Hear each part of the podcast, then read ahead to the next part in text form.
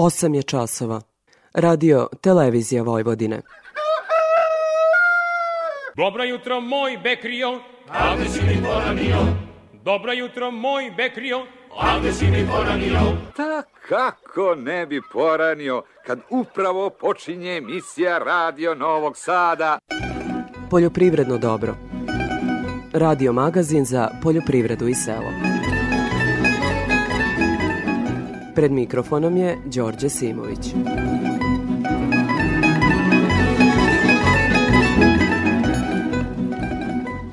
Poštovni slušalci, dobro jutro. Poslednjih dana, zbog svih tragičnih događaja u vezi sa nasiljem, u javnosti se sve više govori o tome kako da zaštitimo decu, ali da im obezbedimo kvalitetnije odrastanje. U tom korpusu izazova svakako je važno i obrazovanje.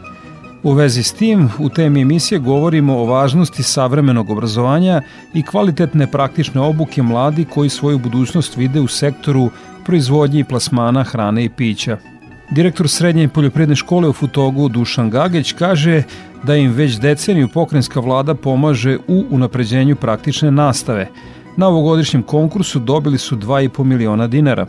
Ove godine smo konkurisali za rasturar za stajsko đubrivo, cisternu za osoku i konkurisali smo za jedan eko špartaž da pokušamo na jedan savremen, e, modern e, način da se bavimo uništavanjem korva sa smanjenom upotrebom pesticida i zaštitom čovekove sredine.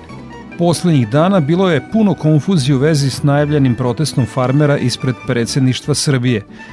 Nije najjasnije ko je s kim razgovarao, ko će u budućnosti razgovarati i da li će protesta biti. U mnoštvu nepoznanica o činjenicama govori analitičar i novinar Branislav Gulan.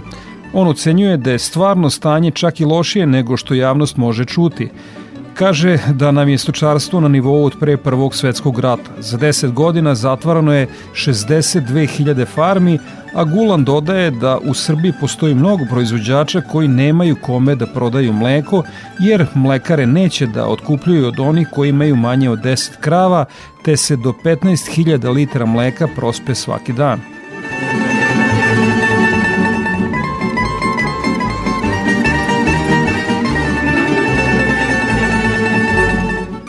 Verovatno će neko jednom istraživati kako smo došli do toga da se mnogi tradicionalni poslovi ne isplate. Pred kraj emisije detaljnije ćemo govoriti o tome da nakon šišanja ovaca u crepa i vunu, koju neće niko ni kao poklon, Jovan Vesin baca na deponiju. Ja se sećam od starih ljudi priče, znači e, ljudi koji su imali po 100 ovaca u stadu, znači oni kad ošišaju ovce mogli su da kupe za taj novac e, jedno jutro zemlje ili lanac, što mi kažemo u Banatu. E, taj lanac sad u Crepavi košta između 13 i 15 hiljada evra. E pa vi vidite, znači svaka kuća koja je imala po 100 komada, da ne pričamo o mleku, da ne pričamo o mesu, znači samo ta vuna je koštala ta toliko. I za kraj uvoda dve vesti iz Evropske unije, a koje su i tekako aktuelne ili će tek biti i u našoj zemlji.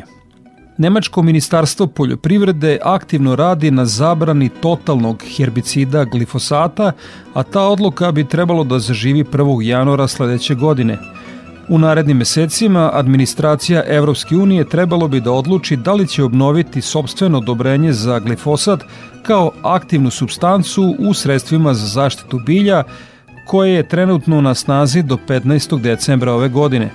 Ukoliko bi ovlašćenje bilo obnovljeno nakon tog datuma, usvajanje nacionalne zabrane moglo bi postati veoma komplikovano za nemačku vladu. Druga vest govori u prilog činjenici koliko je voda važan resurs.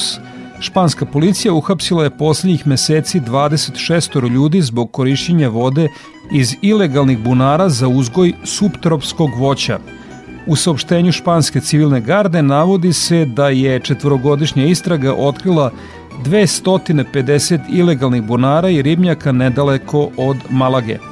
Regionalna vlada Južne Andaluzije ima stroga ograničenja u korišćenju vode u oblasti gde suša traje od juna 2021. godine. Vaše sugestije su svakako dobrodošle, pa vas pozivam da nam pišete na e-mail adresu dobro.rtv.rs ili da nam svoje komentare ostavite na društvenoj mreži Facebook u grupi Poljopredno dobro. Toliko u uvodu slušamo Đorđa Balaševića i pesmu Pred zadnji sneg. Kad zadnju brazdu zaorem Po tragu senke rodine Procvaće zimske ružice Po prvi put te godine Naiće studen atarom Kao regiment oklopni I bit ću samo mirna vlat Kad okopni Ja nemam nigdi nikoga Al moja priča prosta je Što god ih manje zavoleš Manje ti njih nedostaje. I nisam kadar švindlati Za sobom skele paliti. Da silom steknem nekog kom ću faliti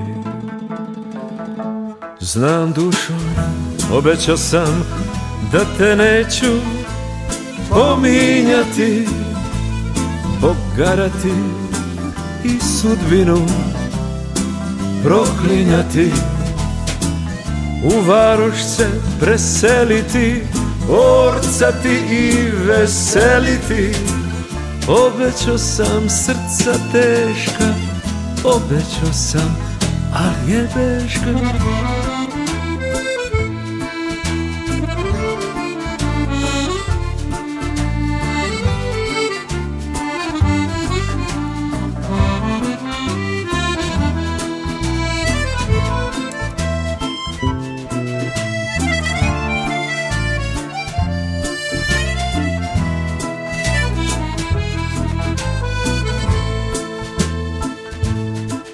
Kad zadnji čokot zagrnem Od skute svetog Damjana U bokal bistre plemenke Zapašće trunka tamjana Strahovi mladi umiru Priču sam kraju priveo Još onda kada sam i njih načiveo.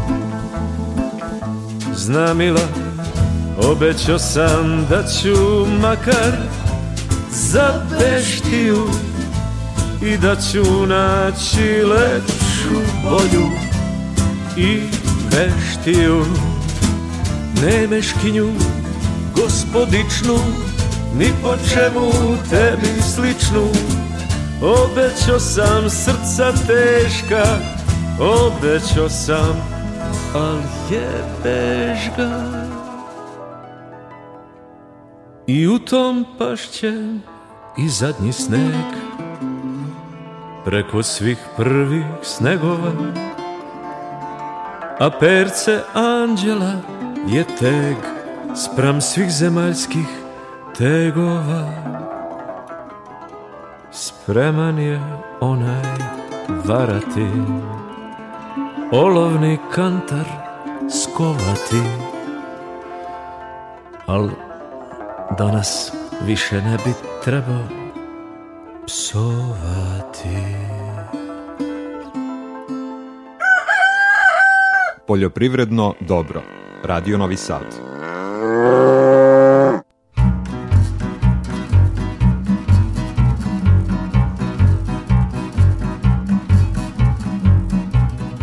U nastavku poljoprivrednog dobra sledi detaljnija agroprognoza Ljiljane Đingalašević iz Hidrometeorološkog zavoda Srbije. Proteklu sedmicu obeležilo je u većini dana nešto hladnije vreme od uobičajenog za ovo doba godine sa čestom pojavom padavina, uglavnom lokalnog karaktera. Maksimalne dnevne temperature vazduha bile su u intervalu od 12 do 22 stepena, a minimalne jutarnje su bile oko ili ispod višegodišnjeg proseka. Kretale su se u intervalu od 3 do 14 stepeni. Tokom sedmice bilo je često pojave padavina, najčešće lokalnog karaktera. Dospele količine bile su u intervalu od 4 do 24 mm. Povremene padavine održavaju povoljnu vlažnost zemljišta, što je u ovom delu proleća veoma važno za sve poljoprivredne kulture. Maj mesec je vreme intenzivnog vegetativnog porasta svih prolećnih kultura i odgovara im vlažno, ali malo toplije vreme za optimalan rast i razvoj. Ozima žita u ovom periodu treba da pređe u fazu klasanja i takođe imaju velike zahteve za vodom, kao i svi povrtarski usevi koji se gaje na otvorenom i rane vrste sorta i sorte voća. Prema prognozi u narednom periodu se očekuje umereno do potpuno oblačno vreme sa čestom kišom, ponegde i pljuskovima sa grmljavinom, a lokalno i sa uslovima za obilnije padavine. U Košarskom području biće vetrovito, na jugu Banata i u Donjem Podunavlju povremeno se udarima olujne jačine. Za radio Novi Sad iz Republičkog hidrometeorološkog zavoda Ljiljana Đingalašević. U aktualnoj zaštiti pšenice, šećerne repe, breskve, jabuke i vinove loze izveštava nas Boško Jezerkić iz prognozno izveštane službe. Uslovi u proizvodnji pšenice su tokom čitave vegetacije bili povoljni za razvoj bolesti. U svima se mogu uočiti pristup simptoma žute listne rđe, listne rđe, sive pegavosti lista, žuto-mrke pegavosti lista i pepelnice žita. Intenzitet pristupa bolesti zavisi od sada primenjenih hemijskih mjera zaštite i osetljivosti sortimenta.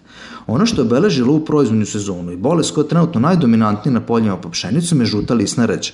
Na parcelama gde su hemijske mere zaštite sprovedene kasno ili su primenjeni neadekvatni fungicidi, došlo je do širenja simptoma žute lisne rđe, pogotovo kod osetljivog sortimenta. Na određenom broju parcela simptomi žute lisne rđe se mogu uočiti na listu zastavičaru. Nažalost, na takvim usevima i pored sprovedenog tretmana može se očekivati dalji razvoj oboljenja i značajno smanjenje prinosa usled štetnog delovanja patogena. U početnim fazama cvetanja u kojima se pšenice, najveći deo sortimenta pšenice trenutno nalazi i u vlažnim uslovima može doći do infekcije klasa prozrokovačem fuzarioze ili šturosti klasa. Pored smanjenja prinosa, ovaj patogen je značan i zbog sposobnosti da na obolelim zrnima sintetiše mikotoksine koji su veoma štetni po zdravlje ljudi i životinja. Pored visokog rizika za zarazu klasa prozrokovačem fuzarioze, uslovi koji trenutno vladaju proizvodnju su favorizujući i za razvoj širenja prozrokovača žute lisne rđe, te je sprovođenje hemijskih mjera zaštite klasa od velike važnosti i za dalju zaštitu lisne mase od bolesti. Čim vremenski uslovi dozvole, preporučuje se sprovođenje hemijskih mjera zaštite pšenice primjenom registrovanih fungicida. U usima šećerne repe uočeno je pristup crne repine vaši. Vremenski uslovi su povoljni za razvoj ovih štetočina, te se preporučuju stalni pregledi njihovo prisustvo. Ukoliko se registruje 20 do 30% biljaka naseljenim crnom repinom vaši, preporučuje se primjena hemijskih mera zaštite. Uvođarstvo se nastavlja sa zaštitom od bolesti i štetočina. U toku je piljenje larvi breskinog i šljivinog smotavca i polaganje jaja jabukinog smotavca. Takođe u zasadima voća uočeni prisustvo biljnih vaši, te se sa ciljem zaštite od ovih štetočina preporučuje primjena nekih od registrovanih insekticida. Nestabilno vreme sa prisutnim padavina pogoduje razvoj širenju bolesti, poput čađave krastavosti jabuke, gde još uvek traje period e, za ostvarenje primarnih infekcija, zatim čađave krastavosti kruške, pepelnice i drugih patogena, te se po stabilizaciji vremenskih uslova preporučuje zaštita od navedenih patogena primjenom nekih od registrovanih fungicida. Vinova loza se u zavisnosti od lokaliteta i sortimenta nalazi u fazi od razvoja listova do početka formiranja cvasti. U ovim početnim fazama razvoja loze osetljiva infekcije prozrokovačima crne pegavosti i pepelnice vinove loze, te se preporučuje primjena hemijskih mjera zaštite čim vremenski uslovi dozvole. U toku je početak pijenja larvi pepeljastog rožnjavog muca. Ukoliko do sada nisu primenjene mere zaštite suzbijanja veštetočine, sada se preporučuje primjena insekticida. Sve detaljnije i najaktualnije informacije zaštite bilja možete pogledati na našem portalu prognoz izvještene službe koji se nalazi na adresi www.pisvojvodina.com. Iz prognoz izvještene službe Boško Jezirkić. EPP pesticidi, đubriva, semena i još oko 2000 artikala za poljoprivredne proizvođače, uz besplatan prevoz, stručne savete i mogućnost kreditiranja. Hemoslavija, Novi Sad, Stevana Sinđelića 17, na putu za veternik. Hemoslavija 021 63 11 666. Razvojni fond Vojvodine kreditira registrovana poljoprivredna gazdinstva, pravna lica i preduzetnike po najpovoljnijim uslovima. Rokovi otplate do 7 godina, period mirovanja do 2 godine i povoljne kamatne stope. Razvojni fond Vojvodine 021 454 334 EPP O prometu žitarica na produktnoj berzi više Andreja Matijašević. Već treću nedelju za redom pšenica zauzima primarno mesto u trgovanju na robno-berzanskom tržištu. Pa cena prisutan je i dalje kod svih primarnih poljoprivrednih proizvoda. Na tržištu kukuruza tokom cele nedelje bila je povećana aktivnost na strani ponude, dok je tražnja bila slaba da bi krajem nedelje potpuno izostala. U zavisnosti od kvaliteta i pariteta prodaje, kukuruzom se trgovalo u cenovnom rasponu od 22 do 22 dinara 80 para po kilogramu bez PDV-a. Početkom nedelje trgovalo se u manjim količinama i vlažnijim kukuruzom do 16% vlage na cenovnom nivou od 21,50 dinara po kilogramu bez PDV-a, odnosno 23,65 dinara po kilogramu sa PDV-om. Kao i prethodne nedelje, pšenica je ponovo bila najtragovanija poljoprivredna kultura. S obzirom na iščekivanje informacije u vezi sa dešavanjima na koridoru, primetna je slabija aktivnost na tržištu pšenice.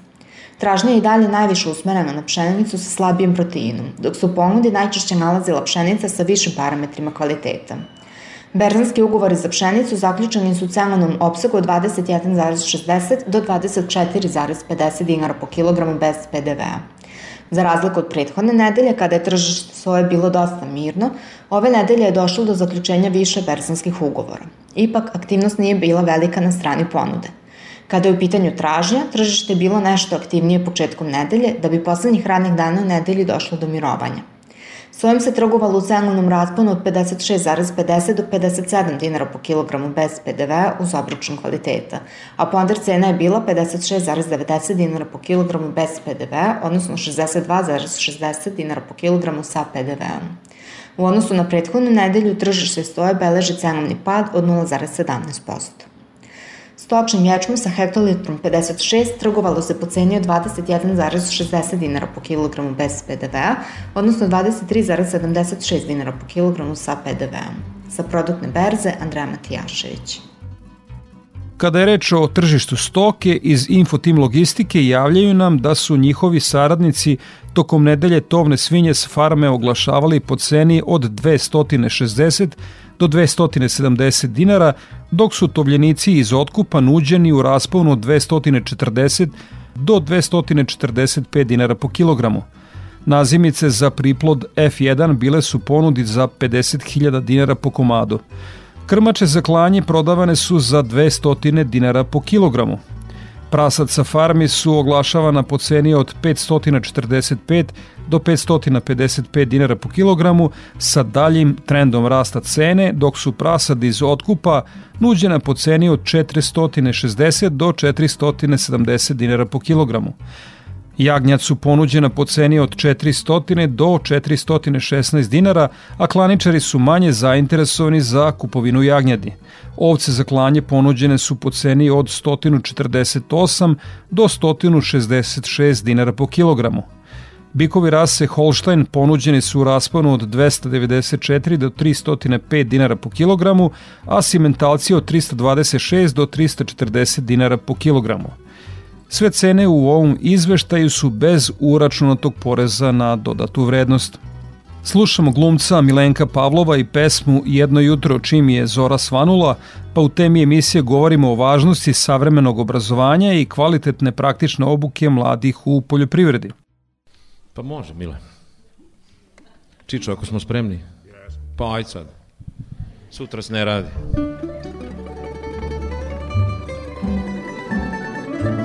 Kad dođe crvena jesen i čokot krvlju rodi, devojke neka raspletu kurju kad debeli švigar.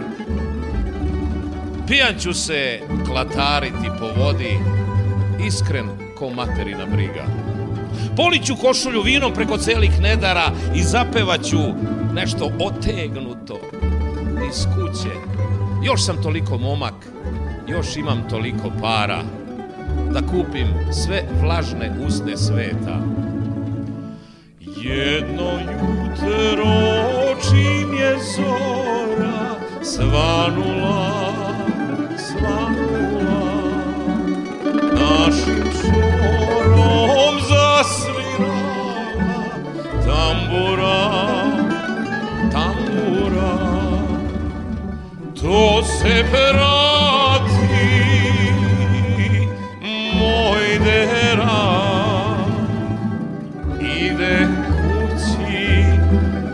na kresa to se prati moj dera ide kući na kresa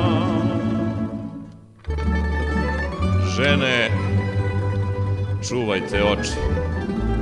Što kaže Čiča, ja sve odreda ločem, sakrite negde ramena. Željan sam belih tajni,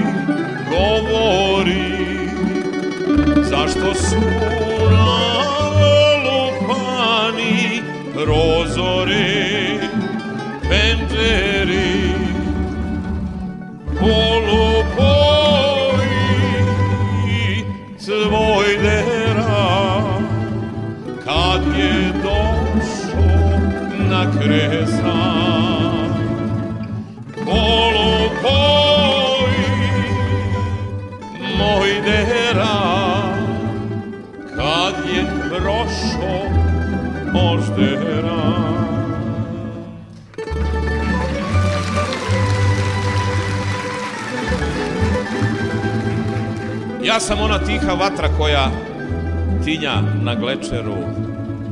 Nemoj, ženo, da me čekaš večeras na večeru.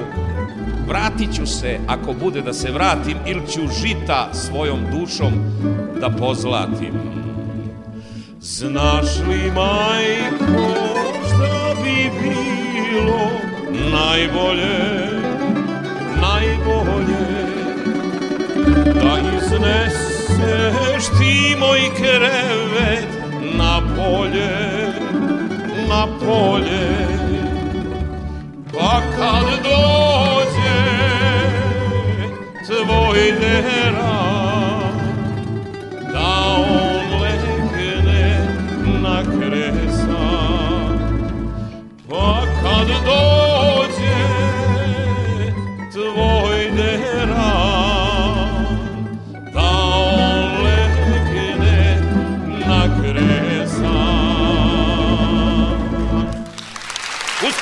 Nekako. Tema emisije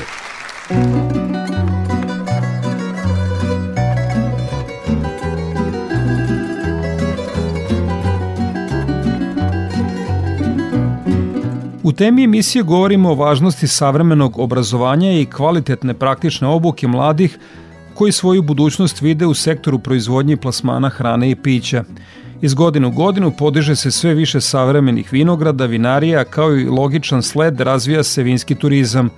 U minuli sedmici profesorka Tatjana Pivec sa Departmana za geografiju, turizam i hotelijerstvo Prirodno-matematičkog fakulteta u Novom Sadu povela je absolvente na studijsko putovanje posvećeno vinskom turizmu.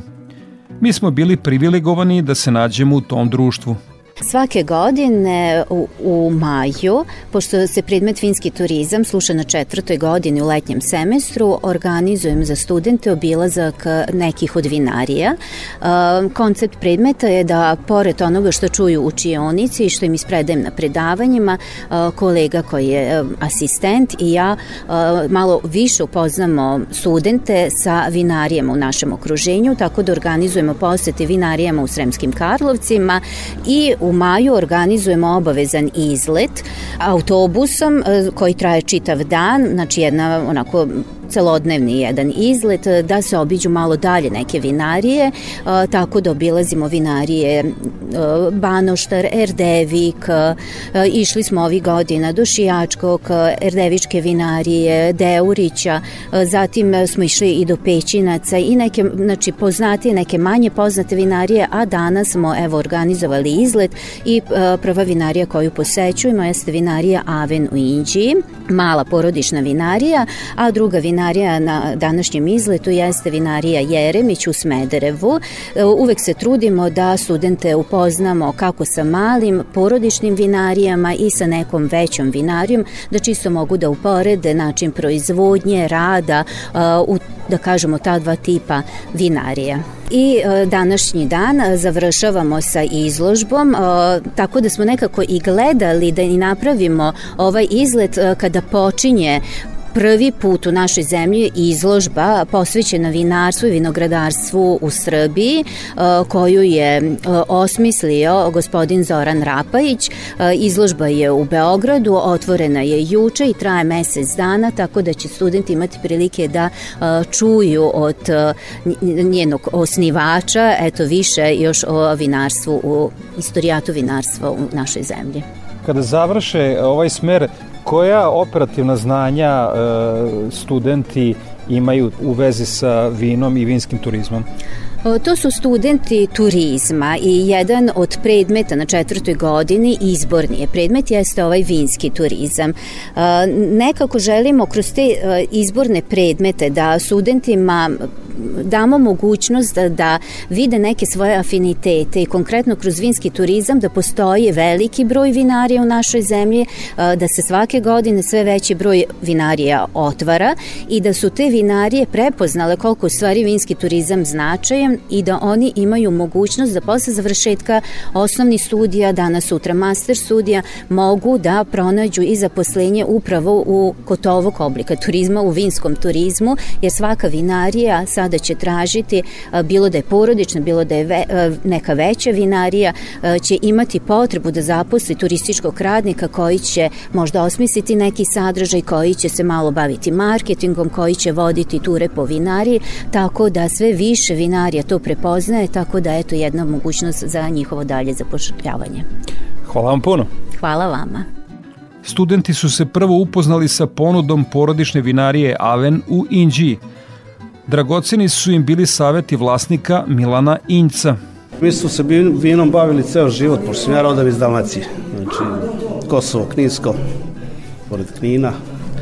I radio sam vinu čitav život, malte ne rodio se u vinogradu, šta? To je bilo kod nas tradicija i ostalo je i na kraju kad je došlo vreme čim se bavite, odlučili smo da napravimo vinariju. A vinograd i bele sorte su ovde gore u Slankavenu. Znači imamo Rajnski Rizling i.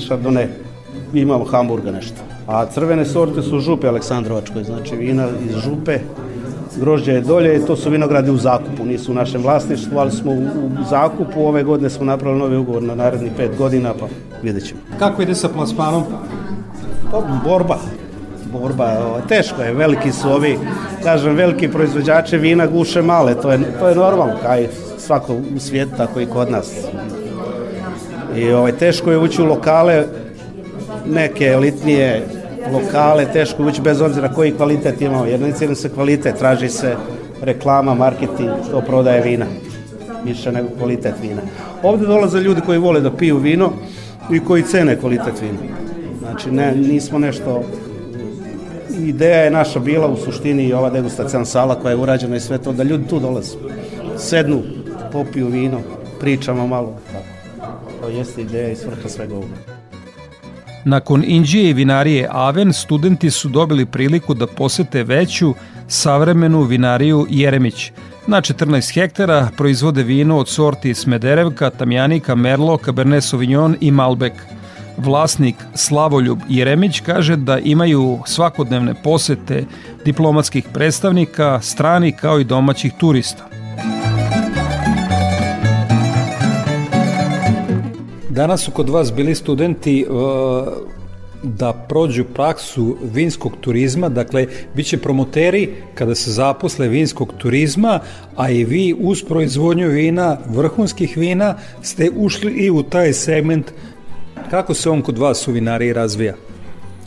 Kao i sve vinarije danas, ne samo kod nas, već i u celom svetu, uh, pored osnovne delatnosti proizvodnje vina, za osnovnu delatnost imaju i vinski turizam i taj vinski turizam je bitan ne samo iz komercijalnih razloga, već je to jedan od najboljih marketinških aktivnosti, jer e, sa doživljajem ljudi e, će verovatno rasti i doživljaj o kvalitetu e, vina. To su danas dve nerazdvojive stvari od delatnosti u svakom vinskom podrumu, znači vino proizvodnja vina i vinski turizam su e, vrlo, vrlo kompatibilni i evo kad bi mi neko ponudio da provedem pet dana na nekom godišnjem odmoru, a da biram destinaciju, ja bi zabrao opet neku vinsku turu ko zna gde već. E, koliko su česte e, posete vinoljubaca vinarije? Pa evo iz godine u godinu e, se razvijaju posete, odnosno razvija se broj turista. Pa evo danas, danas ne prođe ne prođu dva, tri dana da nemamo neku rezervisanu grupu, a u proseku svakog dana imamo nekog gosta, da kažemo da je pola njih u najavljenim posetama, što je uvek najbolja opcija i najpreporučljivija, jer za tako najavljene grupe možemo uvek da se organizujemo kako treba. A uvek imamo i ljude koji su jednostavno u prolazu pa vide natpisu da je vinarija ili jednostavno im palo na pamet da samo sada mogu da nađu tako da imamo i takve e, grupe i evo ne prođe dan da nemamo minimum jednu, a u nekom danu se desi da imamo i dve, tri. Koliko je to e, simbioza da ljudi koji su po prvi put došli u vašu vinariju u okviru neke vinske ture probaju vino i da kasnije postanu redovni konzumenti vaših vina? Vrlo je čest slučaj, bar iz e, priča koje sam čuo od e, ljudi i zato veliku pažnju posvećujemo upravo e, gostima, jer oni su, kažem, nosioci marketinga, a nama je glavni marketing priča od usta do usta. Znači, trudit ćemo se, kao što smo i do sad, da se probijemo isključivo kvalitetom i svojim radom, a marketing o, smo prepustili tim komentarima od usta do usta, znači umesto skupih e, bilborda, postera, reklama, televizijskih e, nekih akcija, promocija, mi smo se opredelili za ovu sporiju varijantu, a to je od usta do usta. Na kraju putovanja studenti su u galeriji Kuće Legata u Beogradu obišli izložbu Vinska kraljevska Srbija autora Zorana Rapajića posvećenu malo poznatim detaljima iz vinske prošlosti Srbije. U današnjoj emisiji autor govori o vinogradarstvu i vinarstvu porodica Adamović iz Novog Sada i Mozer iz Zemuna. Kroz sva ova istraživanja koje traje 23 godine mi na veću vinarsku priču u Srbiji nismo naišli. Adamovići su bili neverovatni, Adamovići su bili znači toliko moćna familija i danas se jedan deo Novog Sada zove Adamovićevo naselje, tu je nekada bio veliki rasadnik koji je zapošljavao preko 3000 ljudi. Oni su imali u Novom Sadu su imali e, tvornicu šampanjera, fabriku znači šampanjaca. Proizvodili su Aleksandar Adamović Uh, u, uh, posle drugog, uh, posle, pre drugog svetskog rata, između dva svetska rata je on Ovaj, pogledajte kako su izgledale etikete, su stvarno bile umetnička dela i oni su bili e, o, kraljevi, odnosno kraljevski dvorski ili fananti, znači oni su dobavljali, vino se dobavljalo na dvor e, Karadžorđevića, a njegov otac Šandor je takođe se bavio vinarstvom, znači ali za vreme Austro-Ugarske i ovo su etikete iz tog vremena možda druga priča po, e, ajde da kažem, e, Mozerovi su bili puno više rasprostranjeni po kraljevini. Jugoslaviji imali su, bukvalno u svakom velikom gradu su imali svoje ispostave. E, centralno, centralno mesto im je bilo u Zemunu i dan danas se ta ulica zove ponovo Mozerova ulica. E, posle, u, pošto su bili Nemci, naravno u drugom svetskom ratu, pred kraj drugog svetskog rata su emigrirali za Južnu Ameriku i navik je sve te njihove filijale i onu centralu, uh, ajde da kažem, malo to grubo reći, ali zna se šta se dešavalo posle drugog svetskog rata, uzimanje imovine i tako je nastao naša najveća firma o kojoj ćemo malo kasnije govoriti u SFRJ Navik. Ovde imamo znači, jedan, jedan račun, ovde imamo sa jednog sajma njihov flyer, šta su ovaj, prodavali. Ovo su etikete, znači, Bruna Mozera mlađeg, takođe između dva svetska rata. I sad ovde kada vidite da se, da se, da se proizvodio i prošek, da se proizvodilo maras, da se proizvodio maraskino i tako dalje, to su neverovatne stvari, ali originalne etikete, ne može niko da pobije da, da nije to tako. Naravno, njegov otac, Bruno Mozer, stariji, je za vreme Austro-Ugarske takođe radio, ali nisu, nemamo etikete od vina, imamo etikete od sherry brandy, od likera i tako dalje, ali to je to. Znači, e, radili su, radili su i za vreme Austro-Ugarske. Biće prilike da o izložbi Vinska kraljevska Srbija autora Zorana Rapajića govorimo u posebnoj emisiji, a sada da poslušamo utiske dve studentkinje o stručnom putovanju posvećenom vinskom turizmu. Svidelo mi se tu što nam je fakultet pre svega organizovao ovu vinsku rutu uh, koja je bila jako zanimljiva uh, i profesorka se stvarno potrudila da nam dočara na najbolji mogući način vinarije. Bili smo u maloj porodičnoj vinariji uh, gde Aven koji ima jako lepu etiketu za roze koji je vrlo pitak. Probali smo jednoj i drugoj vinariji po tri vina. U drugoj vinariji Jeremić eksterijer i interijer je prelepo urađen, dok smo nakon svega toga u Beogradu otišli na izložbu vinarstva i vinogradarstva u Srbiji i bili smo jedni od prvih ljudi koji su videli ovu izložbu. Posebno mi je za oko zapala etiketa Nanovače, to je rakija koju sam eto, prvi put videla, sada nisam ni znala da tako nešto postoji i definitivno ljudi treba da dođu na ovu izložbu jer vredi videti. Danas smo mogli da vidimo jednu razliku između jedne male porodične vinarije što se meni lično svidelo zato što volim generalno te tradicionalne poslove i posao koji se prenosi sa porodice, to je sa kolena na koleno. I s druge strane smo videli vinariju koja je malo ozbiljnija i malo veća. Vinarija, znači pričamo o vinariji e, Aven i vinariji Jeremić. Svidela mi se i jedna i druga. Možda bi se bavila e, vinskim turizmom i dovela neke svoje turiste u vinarije. Takođe isto to su nam predstavili i u drugoj vinariji gde smo mogli takođe kao i u prvoj da probamo i degustiramo i crno i belo vino i roze. Ova vinarija porodična proizvodi mnogo manje količine vina ne, ne prodaje po nekim prodavnicama ili restoranima, dok ova druga da. Tako da možda bi to bilo interesantno turistima koje bi ja dovela da vide. Mislim, čisto tu razliku između načina proizvodnje i čisto kako se oni ophode prema poslu.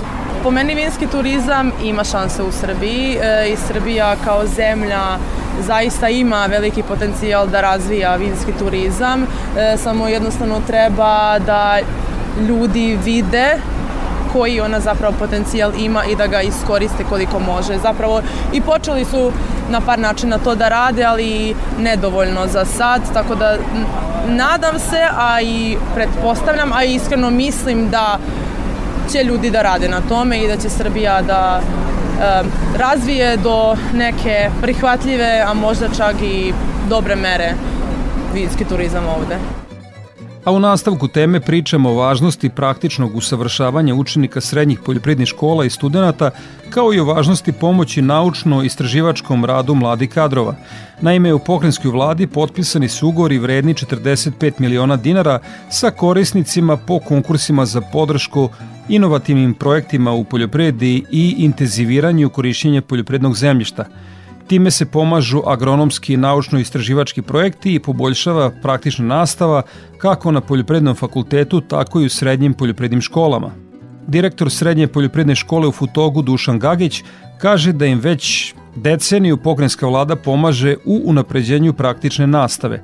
Na ovogodišnjem konkursu dobili su 2,5 miliona dinara, pre svega da se zahvalim pokrajinskom sekretarijatu za poljoprivredu, vodoprivredu i šumarstvo, što su i ove godine izdvojili značajna sredstva i uložili u poljoprivredne škole. Samim tim su nam omogućili lakše funkcionisanje praktične nastave, jer znamo da svaka poljoprivredna škola je spoj teorije i prakse, a praksa je, znači, odvija se na poligonu da praktičnu nastavu, da je već dobrih 10 do 12 godina pokrene izdvaja značajna sredstva i napređuje nam proces praktične nastave na ekonomiji. Samim tim omogućava nam lakše funkcionisanje, a đacima omogućava da stiču lakše funkcionalna znanja koja su im sutra neophodna kad se vrate na svoje gazdinstvo. Konkretno smo dobili oko 2,5 miliona. Ove godine smo konkurisali za rasturar za stajsko đubrivo, cisternu za osoku i konkurisali smo za jedan eko špartaž da pokušamo na jedan savremen, e, modern e, način da se bavimo uništavanjem korva sa smanjenom upotrebom pesticida i zaštitom čovekove sredine. Dekan Poljoprednog fakulteta u Novom Sadu Nedeljko Tica kaže da su za pet naučno-istraživačkih projekata dobili bezmalo 7 miliona dinara, a pomognuti su i za kupovinu savremenih priključnih mašina. Poljoprivredni fakultet Univerziteta u Novom Sadu eh, je dobio bespovratna sredstva od pokrajinskog sekretarijata za poljoprivredu, vodoprivredu i šumarstvo eh, po osnovu učešća u javnim konkursima. Prvi konkurs je bio vezan za novčanu podršku tehničko-tehnološkim primenjenim razvojnim istraživanjima, a drugi konkurs je bio vezan za podršku u intenziviranju korišćenja poljoprivrednog zemljišta. U okviru prvog konkursa mi smo učestvovali sa pet projekata, one su ukupno finansirane sa 6,6 miliona i ono što je najznačajnije u okviru tog prvog konkursa, novčana sredstva smo dobili za, pored ostalog i za uspostavljanje agroinformacijonog sistema od kojeg u budućnosti očekujemo da se u tom delu aktivno uključimo sa svim potencijalima sa kojima raspolažemo. E, važno je napomenuti da smo u okviru druge konkursne linije e, dobili dodatna sredstva za opremanje priključnim mašinama, pre svega za kada je u pitanju međuredni kultivator, najsavremeniji koji postoji trenutno u svetskim razmerama i oba ova konkursa su nastavak jedne kontinuirane podrške koju pokrajinski sekretarijat za poljoprivredu, vodoprivredu i šumarstvo kao i pokrajinska vlada u dužem vremenskom periodu daje poljoprivrednom fakultetu kada je u pitanju i deo istraživanja i kada je deo i u pitanju i deo praktične podrške vezano za nabavku najsavremenijih pogonskih i priključnih mašina. Nama je ova podrška izuzetno važna zato što u okviru nje imamo jasnu potvrdu da je pokrajinski sekretarijat za poljoprivredu, vodoprivredu, šumarstvo i pokrajinska vlada prepoznala poljoprivredni fakultet kao svog strateškog partnera, a s druge strane, na osnovu ove podrške mi ćemo nastaviti dalje sa našim istraživanjima, nastavit ćemo dalje sa opremanjem i time ćemo i našim studentima omogućiti da budu upoznati sa najsavremenijim dostignućima kada je u pitanju opremanje pogonskim priključnim mašinama, a s druge strane omogućit ćemo i našim poljoprivrednicima, pre svega kroz razvoj novog agroindustrijskog informacijonog sistema, omogućit ćemo i novu bazu podataka, što je izuzetno važno kada je u pitanju digitalizacija poljoprivrede u narednom periodu. Podsekretar pokrenjskog sekretarijata za poljoprivredu Aleksandar Panovski kaže da će pokrenjska administracija nastaviti da podržava pomenute aktivnosti. Obe linije su namenjene pre svega znači srednje obrazovnim uh, ustanovama i visoko obrazovnim ustanovama teritorije AP Vojvodine. Ukupno podržavamo znači kroz obe linije uh, skoro 30 projekata, znači 16, 15 projekata dakle za naučno inovativne delatnosti i 12 projekata za intenziviranje poljoprivredne proizvodnje. Ukupno u novcima to iznosi negde 45 miliona dinara direktne podrške dakle, od strane a, pokrajine za obe linije. A, vrednost a, svih tih investicija, dakle, u sumerno, s obzirom da su i sredstva koje obezbeđuju same ustanove, negde oko 52 miliona dinara. I to je inače naša aktivnost koju mi svake godine dakle, održavamo i nadamo se da ćemo tako i nastaviti u pređe. Dobro je da pokrenjska administracija pomaže naučno-istraživačke projekte u sektoru proizvodnje hrane, kao i osavremenjivanje novim mašinama kako bi se praktična nastava što kvalitetnije odvijala. Ono što brine jeste da svake godine opada zainteresovanost učenika za pohađanje srednjih poljoprednih škola, kao i studenta za upis na poljopredne fakultete. I to nije samo specifično Srbije, nego je reč o trendu koji je prisutan u celoj Evropi. Toliko u temi emisije slušamo Zvonka Bogdana i pesmu Ja sam momak siroma. A u nastavku poljoprednog dobra govorimo o prestojećem poljoprednom sajmu, ovčarstvu i proizvodnji plasmanu jagoda. Ja sam momak siroma, siroma, nemam nigdi nikoga, nikoga, Nemam nigdi nikoga, nikoga. E, Samo konja mrkova, mrkova. Nemam nigdi nikoga, nikoga. E, Samo konja mrkova, mrkova.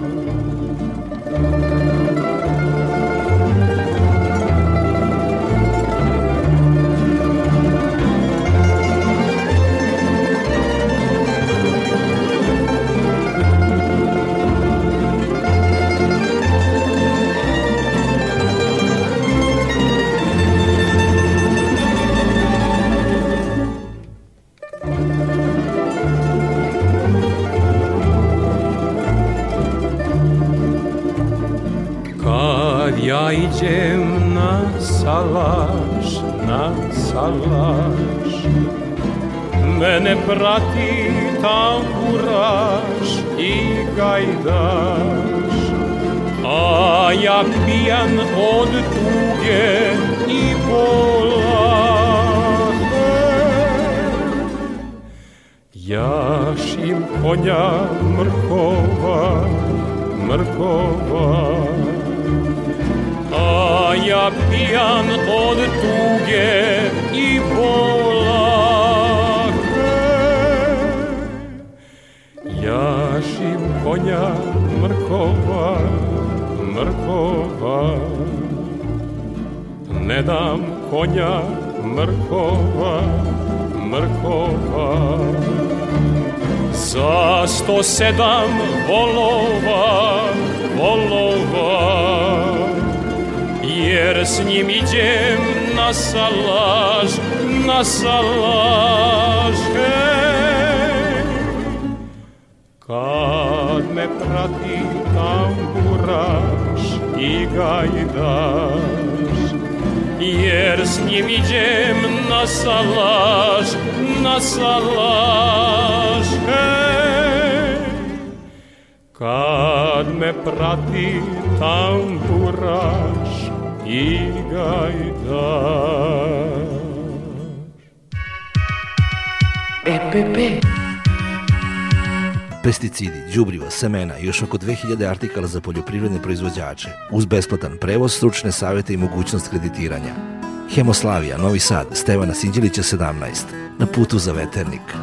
Hemoslavija 021 63 11 666. EPP 20. jubilarni međunarodni poljoprivredni sajam, najveći sajamski događaj u Srbiji i jedan od najvećih u Evropi u oblasti poljoprivrede, bit će održan od 20. do 26. maja u Novom Sadu. Treći put Italija je glavni partner tog velikog događaja. Ministarstvo poljoprivrede ove godine pokrovitelj je najveće nacionalne izložbe stoke i genetskih potencijala – Predsednica Upravnog odbora Instituta za ratarstvo i povrtarstvo Dragana Latković najavljuje njihov nastup na sajmu. Promenut ćemo malo izgled našeg štanda. Hteli bi da bude drugačiji, da bude možda topliji, da budemo prepoznatljiviji po tim našim bojama, prelepoj zelenoj, plavoj i beloj boji, naravno sa svim našim, jel tako, obeležima i emblemima. Ove godine želimo da uvedemo neke novine, a to će biti kratka aktuelna predavanja.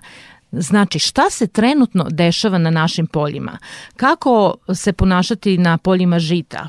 Koje su to bolesti, šta primeniti. Posejali smo sve jare kulture, kako padavine utiču, e, da li ima korova, da li ima štetočina. Dalje, uljana repica je tako u jednoj prelepoj fazi, kakve prinose možemo očekivati. E, krmne biljke su i tako, jel tako sada isto u nekom punom zanosu i što se kaže u punoj vegetaciji, znači da vidimo da li tu ima nekih problema. I naravno, sva neka druga pitanja koja će zanimati naše poljoprivredne proizvođače. Ono što želim da napomenem je jeste da će ove godine na štandu Instituta za ratarstvo i povrtarstvo biti prisutni svi naši stručnjaci i da će naši poljoprivredni proizvođači na licu mesta moći da dobiju odgovore na konkretna pitanja koja ih budu zanimala. Ove godine očekujemo i veliki broj naših poslovnih partnera kako iz zemlje, tako i iz inostranstva i naravno to će biti prilika za e, sklapanje novih poslova, za neke, da kažem, predugovore, e, no, neka nova razmišljanja, neke nove strategije i ja se nadam da ćemo, kada budemo sumirali rezultate ovoga sajma, na kraju biti zadovoljni. Ono što nas naravno čeka, jel tako, posle Novosadskog sajma, ali već na neki način počinju polako pripreme i za to, jeste, jesu dani polja strnih žita, uljane repice i krmnog bilja, tako da eto, Ovim putem želim da pozovem sve naše poljoprivredne proizvođače, sve naše poslovne partnere da početkom juna, a datumi će biti tačno objavljeni, dođu na rimske šančeve, na naša polja, da na licu mesta vide šta je to što je Institut za ratarstvo i povrtarstvo pripremio novo što se tiče pšenice, uljane repice i krmnog bilja. Zanimljivu priču o ovčarstvu Crepa i donosi nam Snežana Đurić. Pre nešto više od tri godine Jovan Vesin iz Crepa je počeo da uzgaja ovce rase Ile de France. Uvezao je 30 grla iz Francuske, a trenutno ih ima više od 160. Ova rasa poznata je po izuzetnom kvalitetu mesa i visokoj plodnosti. Mogu da se koristi za mleko, ali uglavnom znači, e, visok radna mesa. Znači jaganjci od 3 meseca već dosežu 30 do 35 kg. I od toga imaju 55% mesa, dok ove druge sorte znači nemaju toliko. Tako da za klaničare i za industriju mesa oni su idealna sorta. Jovan je izgradio modern objekat u kome može da uzgaja oko 250 odraslih ovaca i 350 jaganjaca. Cilj mu je da uskoro dostigne tu normu. Uglavnom prodaje muške jaganjce, a najviše kupaca je iz okoline Crepaje. Kaže da mu je izuzetno žao što kupaca vune nema već godinama, pogotovo u ovom delu Vojvodine. Ja se sećam od starih ljudi priče, znači e, ljudi koji su imali po 100 ovaca u stadu, znači oni kad ošišaju ovce, mogli su da kupe za taj novac e, jedno jutro zemlje ili lanac, što mi kažemo u Banatu. E, taj lanac sad u Crepaji košta između 13 i 15 hiljada evra. E pa vi vidite, znači svaka kuća koja je imala po 100 komada, da ne pričamo o mleku, da ne pričamo o mesu, znači samo ta vuna je koštala ta toliko. Jovan vunu nakon šišanja ovaca odvozi na deponiju. Kaže da bi je i poklonio, ali zainteresovanih za sada nema. Voćarima jagode donose prvu zaradu. Uprkos poskupljenju proizvodnje i trenutnoj ceni od 500 dinara za kilogram, ove sezone proizvođači u zapadnoj Srbiji nemaju problema sa plasmanom tog voća. O tome Katarina Radulović. Velimir Nedić iz Trbušana kod Čačka pod Jagodom ima 18 plastenika i ne pamti za četvrt veka da je imao bolji rod, ali i cenu. Za Radio Novi Sad govori Velimir. Trenutno za sada je odlično, od 400 do 500 dinara, vele prodaja 400, malo prodaja 500 po kilogramu. Poslednje tretiranje jagode bilo je u fazi cvetanja protiv truleži, jedino takvi plodovi idu do kupaca, kaže Velimir. Sa druge strane, proizvodnja ovog voća i tekako je zahtevna, ali ništa nije prepušteno slučaju. Da, to je sve maksimalno ono, profesionalna prilaz negovanja sa, sadnica, proizvodnju isto zasađeno, kad se zasadi daje se sve stajsko đubre najveću ulogu odigralo, kao uvek u svakoj kulturi stajsko đubre znači mnogo. I date osnovna vodotopiva i đubriva, osnovno đubrivo, redovna zaštita do cveta, kao što sam rekao, od bolesti, vivičnih i bakterijskih, posle toga sve ide normalno. Jagodu Nedići sami proizvode i do berbe im nije potrebna radna snaga koja zlata vredi u sezoni berbe. Za Radio Novi Sad govore Velimir i Biljana. Pomoć sa strane, imamo pomoć prijatelja, rodbine, komšija. Milina, Milina, nikad nije bio ovakav rod, stvarno je super i krupna je i slatka je nema problema. I lako je brati. Samo nam treba mnogo radnika, ne možemo da oberemo. Ima baba stalne mušterije, za prodaju nema problema. Slatke su posle kada ovaj posle prebrijavanja jagode ne kropimo uopšte, može da ga jedu, da je jedu i bebe, nema problema uopšte. Kompletan rod iz plastenika završi na Čačanskoj pijaci, a oni koji su na vreme prepoznali kvalitet koji Nedići proizvode u svojim plastenicima, znaju da ih i pronađu, kako bi pazarili kvalitetne i pre svega zdrave jagode. Za Radio Novi Sad, Katarina Radulović. I za kraj emisije još jednom agroprognoza Ljiljana Đingalašević iz Hidrometeorološkog zavoda Srbije. Prema prognozi u narednom periodu se očekuje umereno do potpuno oblačno vreme sa čestom kišom, ponegde i pljuskovima sa grmljavinom, a lokalno i sa uslovima za obilnije padavine. U Košarskom području biće vetrovito, na jugu Banata i u Donjem Podunavlju povremeno sa udarima oluvine jačine. Toliko poštovani slušalci u ovom izdanju Poljoprivrednog dobra radio magazina za poljoprivredu i selo javne medijske ustanove Vojvodine. Naredni susret zakazujem za 7 dana uz podsjećanje da ovu kao i prethodne emisije možete da poslušate i odloženo na portalu Radio Televizije Vojvodine na adresi rtv.rs u sekciji odloženo slušanje kao i na zvaničnoj Facebook grupi Poljoprivredno dobro gde možete da ostavite svoje sugestije. Možete nam pisati na našu elektronsku adresu dobro.rtv.rs. Ja sam Đorđe Simović i pozivam vas da ostanete uz Radio Novi Sad. Vašoj pažnji preporučujem ekološki magazin pod staklenim zvonom koji je na programu na Konvestiju 9. Svako dobro.